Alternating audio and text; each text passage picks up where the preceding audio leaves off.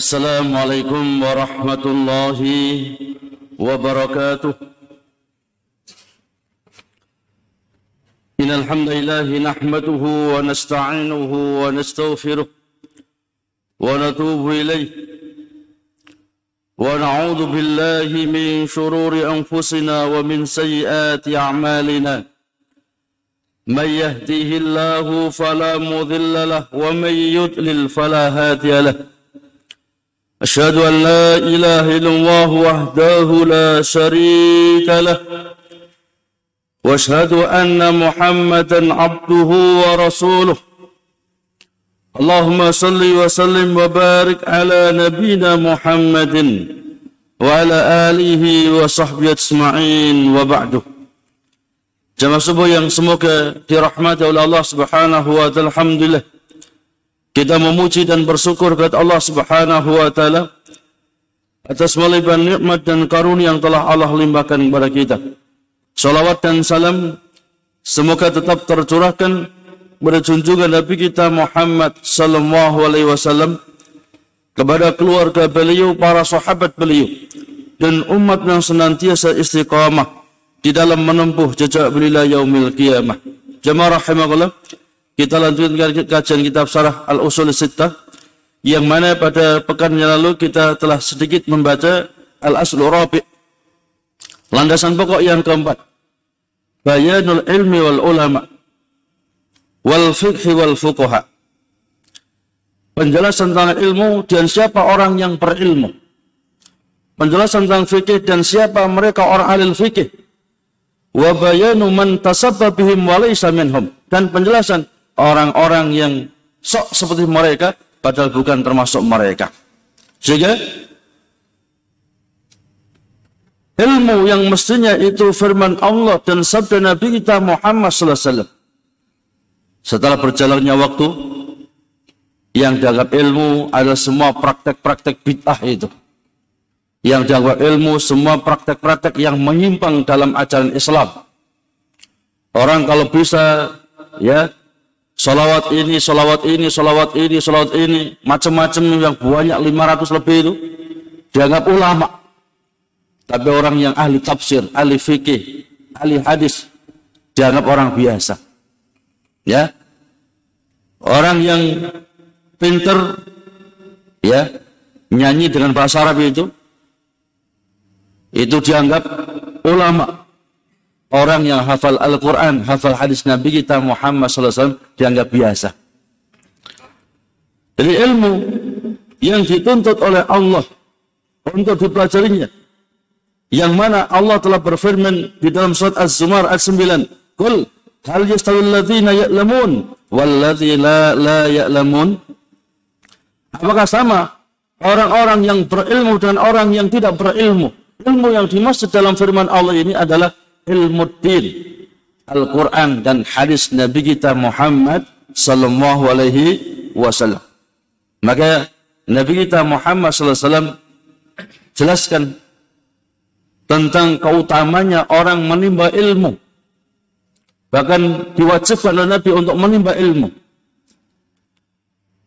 Nabi kita Muhammad sallallahu alaihi wasallam telah bersabda, talabul ilmi faridatun ala kulli muslim. Menuntut ilmu wajib wajib ain atas pribadi pribadi seorang muslim. Artinya ketika seorang muslim, muslimah, mukmin, mukminah dia tidak mau belajar agama, hukumnya berdosa di hadapan Allah Subhanahu wa taala. Bahkan termasuk kemudian ilmu Nabi sabdakan, "May yuridillahu bi khairan yufaqqih fiddin." Barang siapa yang Allah kehendaki kebaikan atas dirinya, maka dia akan difakihkan dalam masalah urusan agama. Wal ilmu lahu fadail kasirah. Dan ilmu memiliki fadilah keutamaan yang sangat banyak. Yang pertama, annallaha yarfu ahlal ilmi fil akhirah fit dunya. Allah angkat derajat orang yang berilmu baik di dunia bahkan nanti di umil kiamah. Di dunia Allah muliakan mereka orang-orang yang berilmu. Bahkan nanti di yaumil qiyamah Allah muliakan mereka sesuai ilmu dan amal soleh mereka. Jadi ilmu yang diilmui dipraktekkan diamalkan. Maka Allah telah berfirman, "Yarfa'illahu alladhina amanu minkum walladzina utul ilma darajat." Allah angkat derajat orang yang beriman di antara kalian. Dan Allah tinggikan dengan beberapa derajat orang-orang yang berilmu di antara mereka. Maka ya, ilmu Islam ini yang bersumberkan Al-Quran dan hadis Nabi kita Muhammad wasallam akan mengangkat derajat suatu kaum yang mau beriman mempelajarinya, mengamalkannya, tapi juga akan menjerumuskan, menjatuhkan suatu kaum yang mereka kufur ataupun berilmu hanya sekedar ilmu tanpa dipraktekkan. Nabi kita Muhammad SAW telah bersabda di dalam hadis riwayat Imam Muslim, Inna Allah la yarfau bihadal kitab aqwaman wa yadau bihi akharin. Allah akan mengangkat kaum dengan Al-Quran ini. Siapa mereka? Orang yang membaca Al-Quran, mempelajarinya, memahaminya, mentadaburinya, dan mempraktekannya. Tetapi wa bihil akharin. Bahkan Allah menghinakan dengan Al-Quran ini orang-orang selain mereka. Siapa mereka? Al-Quran hanya untuk main-main. Al-Quran hanya untuk apa itu bersendau kuro. Al-Quran dikufuri ya dan sebagainya dan sebagainya. Yang kedua, termasuk fadhailil ilmu, ya fadhailil ilmi. Keutamaan-keutamaan ilmu. Yang kedua, annahu irsun Nabi alaihi salatu wasallam. Ya, ilmu agama ini warisan Nabi kita Muhammad sallallahu alaihi wasallam. Nabi kita Muhammad sallallahu alaihi wasallam telah bersabda, innal anbiya lam yurisu dinaran wala dirhaman. Innama warasul ilma faman akhadahu akhadha bihadin wafir. Sesungguhnya para nabi itu tidak mewariskan dirham dan dinar. Mereka para nabi mewariskan ilmu. Jadi ilmu din ini ilmu agama ini maka faman akhadahu akhadha bihadin wafir barang siapa mau mengambilnya mempelajari agama ini, maka berarti dia mendapatkan warisan yang terbanyak. Jadi orang yang mendapatkan warisan terbanyak dari Nabi kita Muhammad SAW ada orang-orang yang berilmu. Karena Nabi tidak mewariskan harta. Nabi mewariskan kepada umatnya ilmu. Maka orang-orang yang berilmu, para ulama, mereka adalah warasatul anbiya, pewaris para nabi. Yang wajib untuk kita muliakan. Yang ketiga, termasuk fadailul ilmi adalah annahu mimma yabqalul insan ba'da mamatihi. Ilmu adalah sesuatu yang kekal. Sesuatu yang kekal, yang tetap ada walaupun orang yang berilmu itu telah meninggal dunia. Kita mengenal Imam Ash-Syafi'i. Ya, pada ribuan tahun telah meninggal dunia. Kita mengenal Imam Ahmad Ibn Hanbal. Kita mengenal Imam Malik Ibn Anas. Kita mengenal Imam Abu Hanifah. Imam Ibn Mubarak, Imam Al-Auza'i, Imam As-Sawri, dan imam-imam yang lainnya. Termasuk Imam Al-Bukhari Padahal umur mereka sedikit. Bahkan termasuk Syekhul Islam Ibn Taimiyah, Imam Nawawi. Padahal umur mereka hanya sedikit. Enggak sampai 50 tahun. Ya. Syekhul Islam ini sekitar ya, sekitar 43 atau 45 tahun. Termasuk Imam Nawawi. Ya. Beliau umur sekitar 45 tahun meninggal dunia. Tapi ilmu yang dimiliki tertulis dengan tinta emas sehingga ya di dalam tiap-tiap masa, tiap-tiap majelis ya dibaca, dipelajari kitab An-Nawawi termasuk ya Arba'in Nawawi, kitab Riyadus Shalihin, kitab Al-Masmu dan sebagainya sebagainya. Ya, pada umurnya nggak sampai 50 tahun dan itu sudah hidup ratusan tahun yang silam. Imam Asy-Syafi'i ya, beliau umur Beliau hanya berumur 54 tahun. Ya. Tetapi umur yang sedikit 54 tahun ini, Masya Allah, diukir dengan tinta emas. Setiap orang mengatakan qala as-safi, qala imam as-safi, qala imam as-safi. Ya, ilmu itu akan tetap ada walaupun yang punya ilmu telah meninggal meninggal dunia. Bahkan mendapatkan pahalanya. Nabi kita Muhammad SAW telah bersabda, "Idza mata ibnu Adam in qata amal illa min salasatin sadaqatin jariyah wal ilmu yantaufu bihi wa waladin salih alladhi yatulahu." Ketika anak cucu Adam meninggal dunia terputus semua amal kebajikannya. Pintu-pintu amalnya terputus sudah. Kecuali tiga kata Nabi. Sedekah jariyah. Mungkin sebelum meninggal dunia dia membuat masjid. Ya, selama masjid itu digunakan untuk ibadah, ta'lim dan macam-macam, dia dapat pahala. Atau mungkin membuat lembaga-lembaga pendidikan untuk mengkader kaum muslimin supaya mereka tidak menyimpang dari ajaran Islam ini. Maka selama itu digunakan, selama itu pula dia dapat pahalanya. Ya, sedekah jariyah. Dan itulah hakikat harta kita yang sesungguhnya. Jadi harta kita sesungguhnya itu baju yang sudah rusak dibuat itu itu harta kita sesungguhnya. Makanan yang telah kita makan ya itu ada harta kita. Ya minuman yang telah kita minum ataupun harta yang kita dermakan di jalan Allah Subhanahu wa taala. Itulah harta kita. Adapun yang kita miliki sekarang ini ya belum tentu milik kita kadang-kadang punya mobil tabrakan rusak gak, gak bisa punya lagi ya kan rumah terbakar hilang sudah tapi yang hakikat harta kita yang telah kita makan, yang telah kita minum dan yang ya pakaian yang telah kita kenakan kenakan dan sudah rusak gitu. Atau yang kita dermakan di jalan Allah Subhanahu wa taala. Ada ilmu yang bermanfaat. Dia mengajarkan ilmu ya, walaupun dia telah meninggal dunia, ilmu ini dipraktekkan oleh orang lain selama itu pula dia mendapatkan aliran pahala. Maka benar kata Nabi kita Muhammad SAW dalam hadis riwayat Imam Muslim dalam kitab ilmi. Nabi kita Muhammad SAW telah bersabda, "Man tailal huda walau ajruha wa ajru man tabiha la yanqusu dzalika min ujuri syai'ah." Barang siapa mengajak pada petunjuk Allah, hidayah Allah, maka bagi dia pahala petunjuk itu dan pahala bagi orang-orang yang mengikutinya tanpa terkurangkan pahala mereka sedikit pun. Maka orang yang paling banyak pahalanya adalah Nabi kita Muhammad sallallahu alaihi wasallam. Berapa miliar umatnya itu? Ya, setiap hari mereka sholat lima waktu, setiap hari mereka berzikir, setiap hari mereka istighfar, setiap hari mereka infak sedekah dengan dakwah Nabi kita Muhammad sallallahu alaihi wasallam. Tanpa dikhususkan khususon ilan Nabi gak perlu otomatis Nabi kita Muhammad SAW mendapatkan pahala. Maka anak itu gudang-gudang pahala.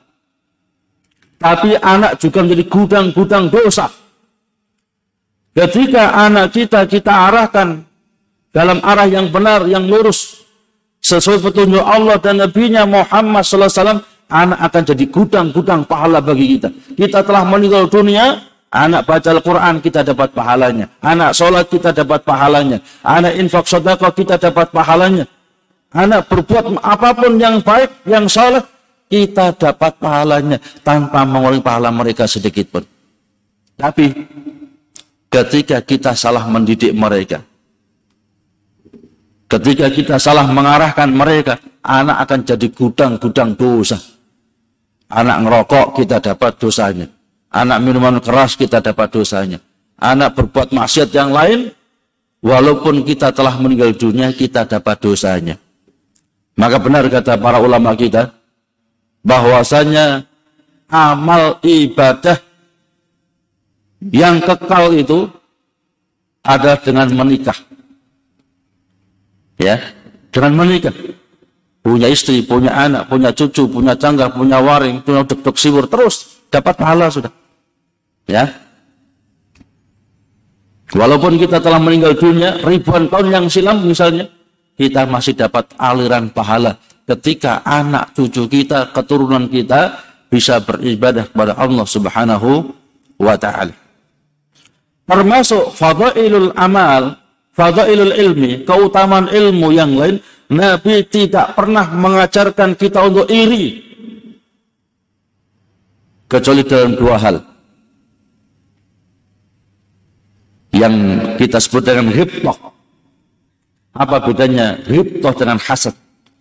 Kalau hibtoh itu kita ingin seperti orang yang kita inginkan tanpa ada keinginan nikmat itu hilang dari dia.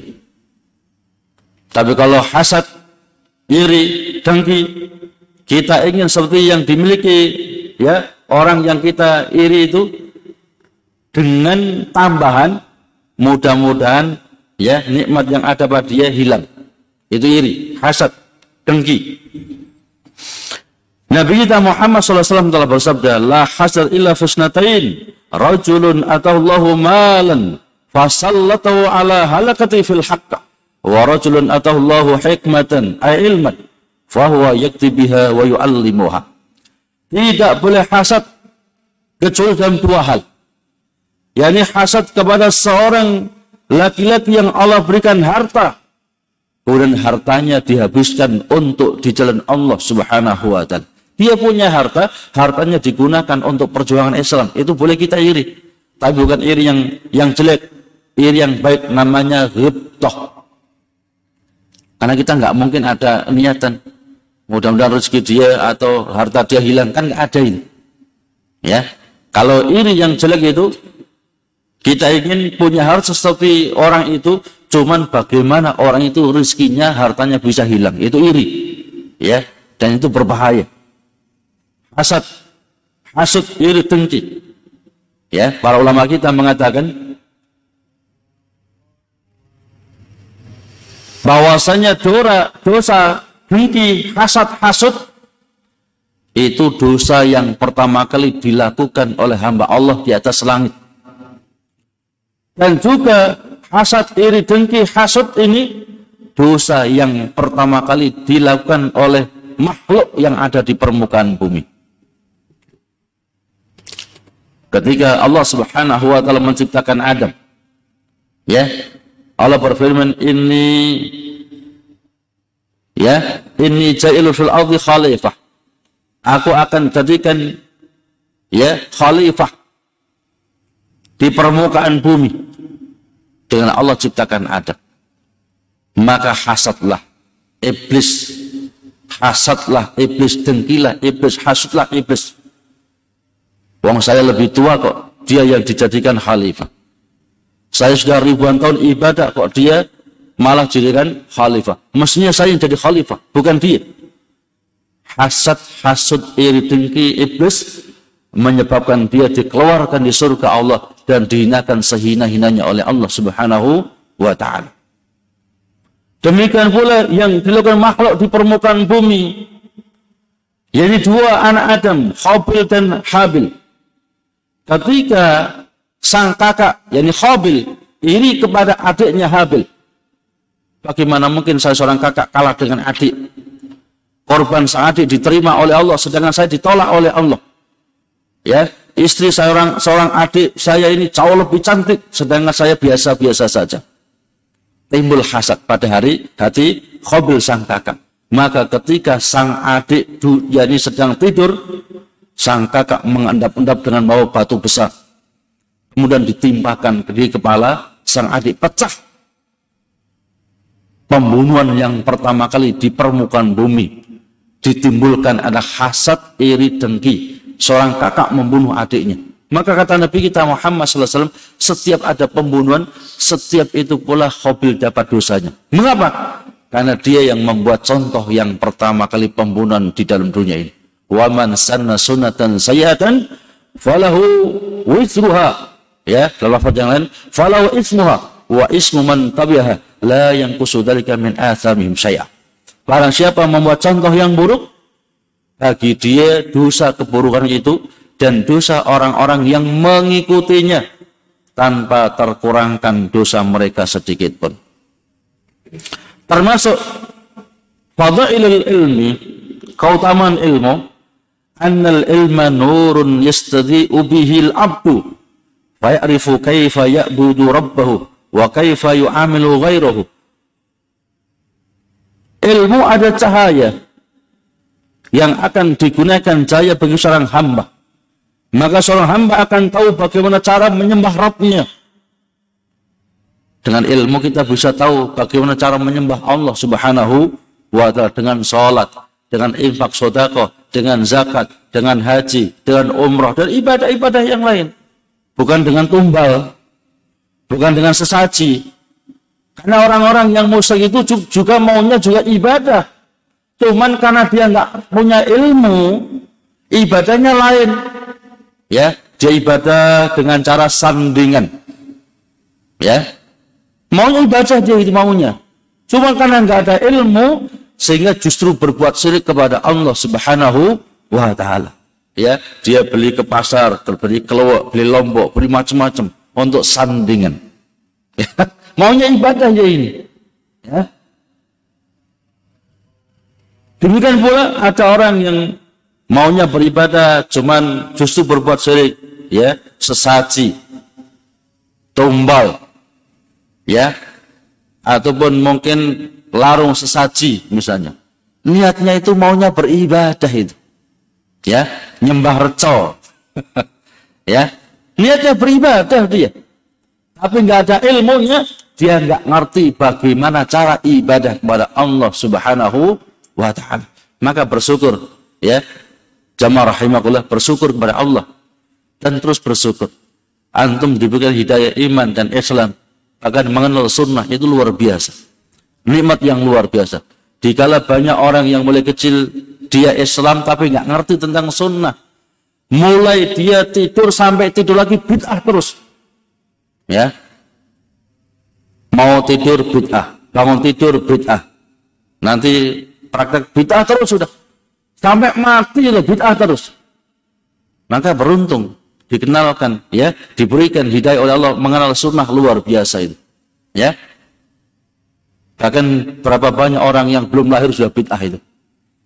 Ya, ketika dia masih dirami ibunya dikasih istilah neloni telung bulan ya jadi hamilnya tiga bulan neloni bid'ah Nanti kalau sumur tujuh bulan, tingkepan. Bid'ah lagi. Maki kalau lahir umur lima hari, perokokan. Bid'ah lagi. Sunahnya nggak ada.